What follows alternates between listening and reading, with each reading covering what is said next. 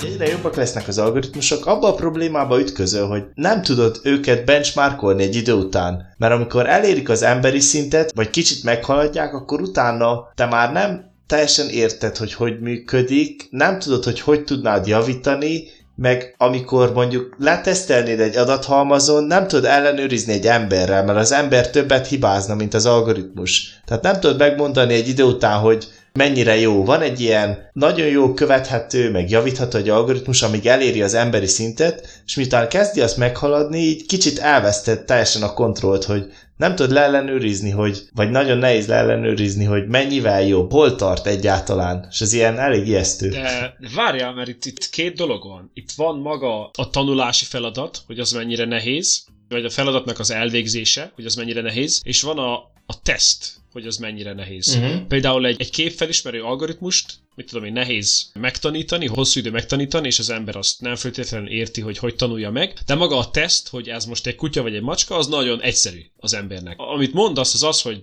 de akkor később ezek a, a komplexebb problémáknál ez a teszt ez annyira nehéz lesz, hogy az ember nem tudja végrehajtani a tesztet, és az algoritmus hiába mondja neked, hogy úgy érzi, hogy, hogy ez a helyes válasz, nem tudod te azt majd értelmezni, hogy helyes vagy nem. Há, igen, erre gondolok, hogy nem tudod leellenőrizni, vagy ha leellenőrized, hibázol. Te többet hibázol, mint az Aha. algoritmus. És akkor most kinek higgyünk? A, a, a javítónak? Vagy az algoritmusnak? Tehát megint egy ilyen, ilyen szituációba kerülsz. Vagy akkor csinálsz egy butább algoritmust, amelyik leellenőrzi helyetted, de nem tudom. Van egy... Uh... Ilyen filozófiai, saját farkába harapó algoritmus. Hát de akkor ez hamar oda, oda jut, hogy akkor ez lesz az ilyen uh, gépi tudatosság? Hogy amikor okosabbak nálad, akkor az, az, az már kész? Az egy újfajta gondolkodási lény? Vagy új gondolkodó lény? Hát nem, mert például a, ez mindig csak egy feladat, amiben, amiben jobb, mint te. Például ezt, ezt azt hiszem már egyszer beszéltük, hogy volt egy ilyen áttörés, azt hiszem 2016-ban a képfelismerésben pont a, a deep learning segítségével, amikor már olyan algoritmus volt, ami például a nagymacskákat már pontosabban klasszifikálja, mint az ember. Hogy ott van a képen a fán egy nagymacska, te mondod, hát talán egy Pontosan. puma, de ő megmondja pontosan, hogy mi az altípusa, milyen fajhoz tartozik, kész, megvert. Ez még olyan, hogy le tudod ellenőrizni, mert előveszel egy lexikont, összehívsz egy expert csoportot, megbeszélitek, le tudod ellenőrizni, vagy tudod, aki készítette a képet, meg tudja neked mondani, vagy lehet ő se tudja megmondani, de Na, ez még olyan, hogy még le tudod ellenőrizni, de eljöhet egy ennél nagyobb szint. De hogy ettől még nem tudatos, igen, ezt akartam mondani. Ez az ImageNetre van, azt hiszem ez a nagymaska felismerés, és ott ilyen, ilyen nagyon veszélyes valami, 99.7, vagy ilyen Igen. ezerből hármat téved az algoritmus, az ember ötöt vagy hatot, valami ilyesmi. Az, az nagyon durva te, hogy ennyire helyes már a képfelismerési algoritmus. De ez, ja, ez csak azért van, mert túl sok az adat. Igen. Kész. Sok az adat, jó, jó a számításkapacitás, tehát gyorsan 200 évnyi tapasztalatot bele edzel az algoritmusba, akkor elég, elég jó lesz. Érdekes dolgot mondasz most, ami eszembe jutott, hogy, hogy sokszor elfelejtünk, hogy az algoritmusnak végtelen memóriája van. És neked az embernek egy feladat elvégzéséhez először is meg kell tanulni azt a feladatot, el kell raktározni, hogy hogy kell megoldani a feladatot, és aztán tudod úgy magadat e, tapasztalattal egy picit jobbá tenni, de mindig véges lesz az, hogy mennyi információt hordozhat az agyad egyszerre. Vagy végül is ezt nem is tudom, hogy az agyad, az, az agyadnak véges a kapacitása? Valószínűleg igen, mert biológiai adathordozó. Ellenben egy algoritmusnak nem biztos, hogy véges lesz az agya. Tud tényleg 200 évről tanulni. De nem tudsz csak a az utóbbi hat hónapból, vagy a hat évből, vagy valami minden Ez érdekes. Véges. Igen, valószínűleg véges, de ha de lehetne mondani, hogy az algoritmusnak is lehet véges, mert nincs végtelen sok számítógép, nagyon nagy szám, de véges. Inkább én arra, arra hajlanék, hogyha egy agyi kapacitást kell mérjek versus hány uh, hard drive-ot tudok egymás mellé csatlakoztatni, Igen, akkor, akkor... Inkább, inkább azt mondanám, hogy a, a 0-1 az megveri az embereket. meg, meg kell, meg kell, meg kell nézzem, hogy Hány megabajtos ez az agy?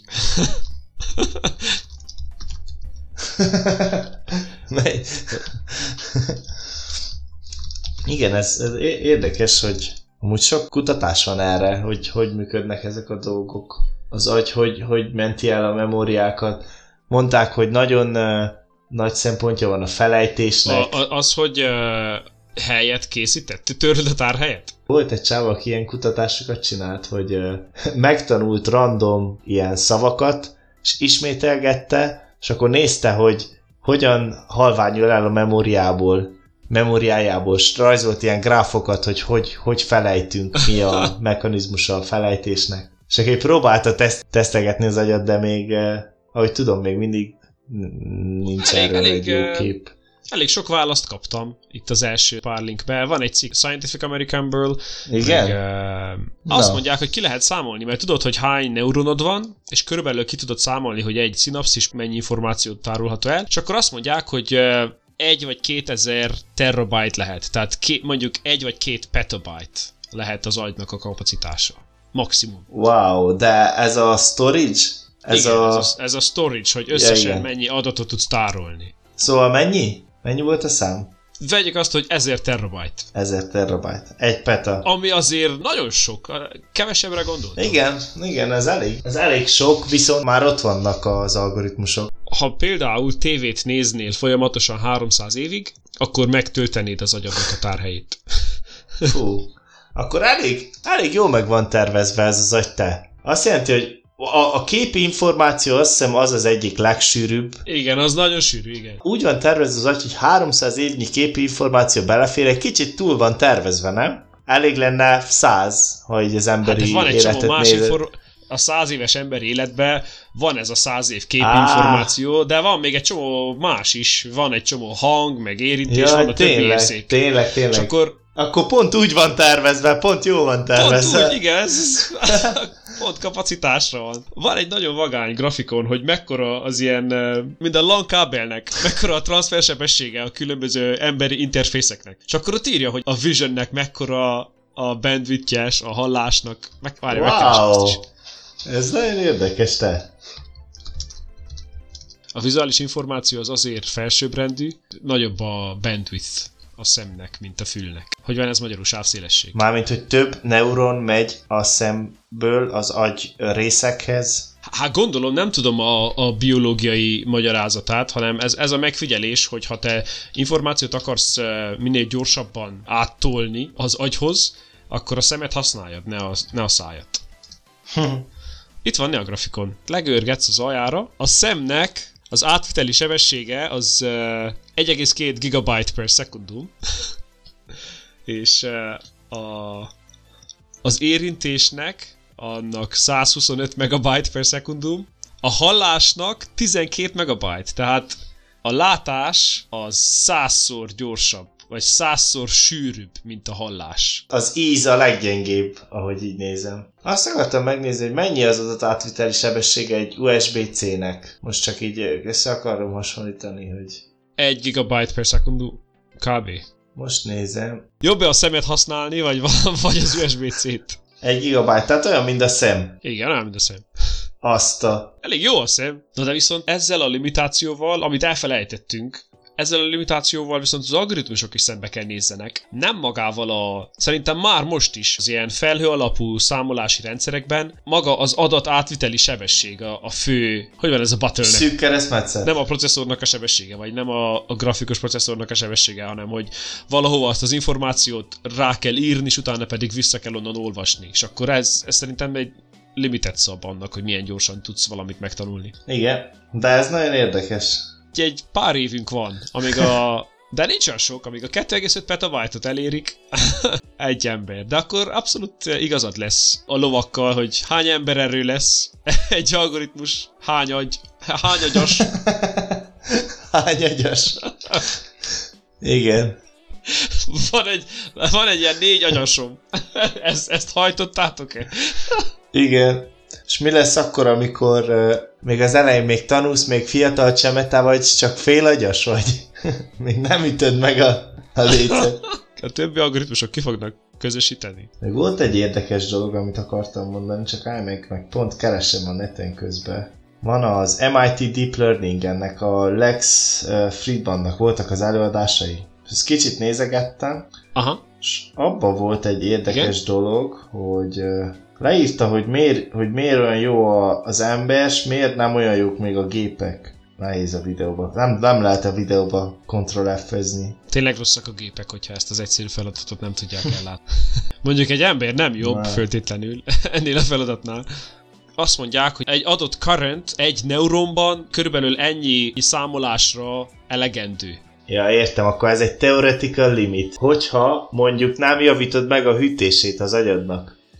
Mondjuk mi van, hogyha mi van, hogyha kicseréled a, az agy hűtését mondjuk folyékony héliumra, vagy valami folyékony akkor nitrogénes meg, hűtésre. Akkor jobb leszel, mint a gép. Akkor lehet, hogy tovább tudod tolni azt a limitet. Jönnek a jövőbeli emberek az ilyen. Neked volt-e ilyen folyékony hidrogénes upgraded? Még, még nem volt?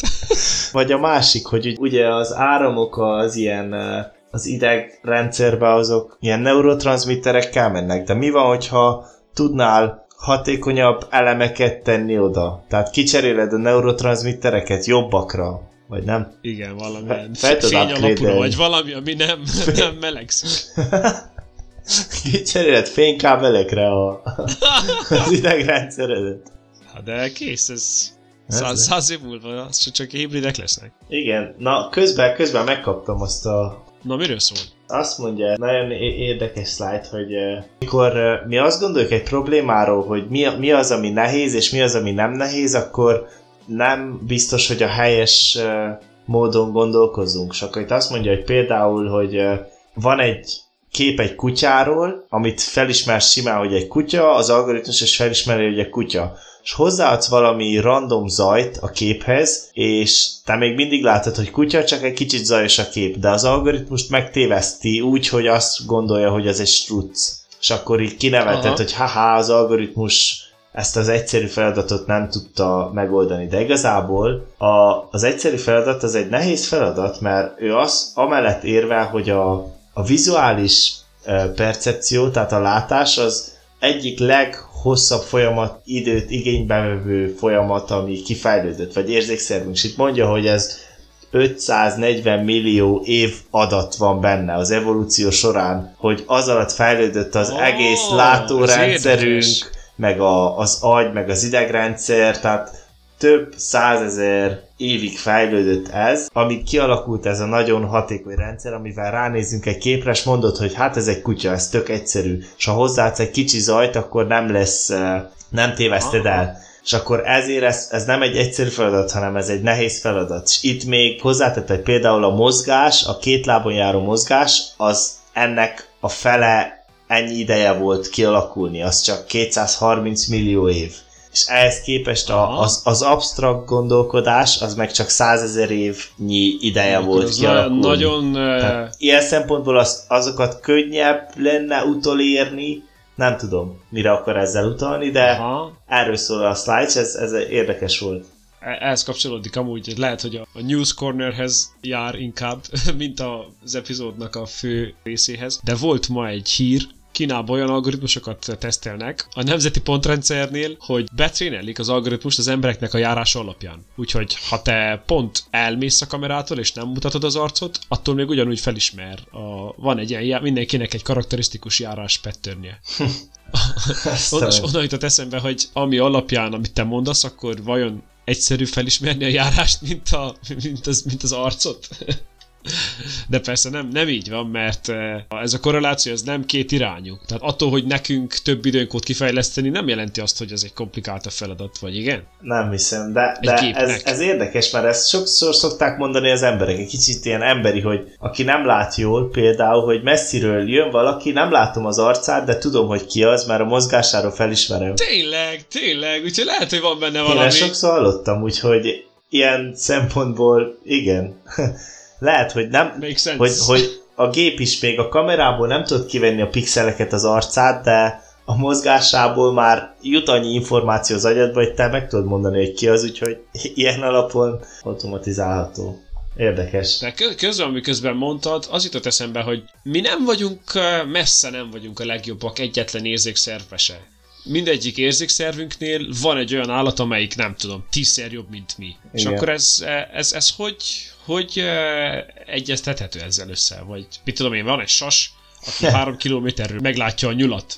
Neki akkor több ideje fejlődik a látása, vagy miért olyan rossz a mi látásunk? Vagy akkor egy idő után mi megállítottuk a látásfejlődést, az energiát csak az agyfejlesztésre kezdtük fordítani? Há, igen, ugye ez, ez minden ilyen trade-off, hogy ha nagyobb agyterületet szentelsz valaminek, ab, abban jobb lesz. Ugye van, vannak ilyen képek, hogy például a, az ujjaiddal nagyon sok ilyen finom motoros mozgást tudsz végezni. De ahhoz, hogy te ezt tudjad, egy hatalmas agyterület felel meg ami, ami csak arra vagy irányítsa az ujjaidat, hogy mindegyiket külön tudod mozgatni, nagyon nagy a dexteritás, mozgékonyságod, de ez cserébe egy áldozat, mert cserébe például nem, a lábujjaidat nem tudod olyan jól mozgatni. Ja, nem tudod, nem érte. tudod, tehát az agy, agy is egy véges uh, A 2,5 petabyte-ba be kell egy, egy férni. véges erőforrás, tehát ezek mindig ilyen, ilyen kompromisszum, hogyha valamit jobban csinálsz, akkor a, egy kicsit valaminek a rovására mehet. Akkor mindig meg kell hozni ezt a kompromisszumot, hogy mi, mire fordítod. Mondjuk ez nem teljesen jó hasonlat, mert ugye alapból a sasnál kisebb a, az agya. Kész. A, az igazi CRISPR korszakban lesznek az ilyen moduláris upgrade-ek. Hogy neked, neked volt-e sasszem upgrade már? Igen, amúgy lehetne, hogy egy ugyanúgy, ahogy egy powerbanket viszel a mobilod mellé, viszel egy kicsi, egy borkán agyat így magaddal, és hogyha mondjuk nagyon messzire kell néz, hogy valakit kiszúrja tömegből, azt így rákapcsolod, és na most úgy látok, mint egy sas. Ja. És akkor lehet ilyen különböző szegmenseket most tud, tudsz az agyban akkor aktiválni, hogy most ilyen, lehet lesz egy ilyen buffer, buff, buffer hely az agyban, és akkor oda mindig tudsz ilyen opcionális upgrade-eket csinálni, hogy most a gyorsfutó részt szeretném, és most a jól látó részt szeretném. Igen. Egy robotnak nem lesz ilyen limitációja. Neki lesz elég tárhelye és elég uh, transferkapacitása ahhoz, hogy válassza mindenből a legjobbat. A legjobb hallási rendszert, a legjobb látási rendszert, mindenből a legjobbat. Igen. És akkor nem tudsz versenybe szállni. Érdekes, érdekes lesz.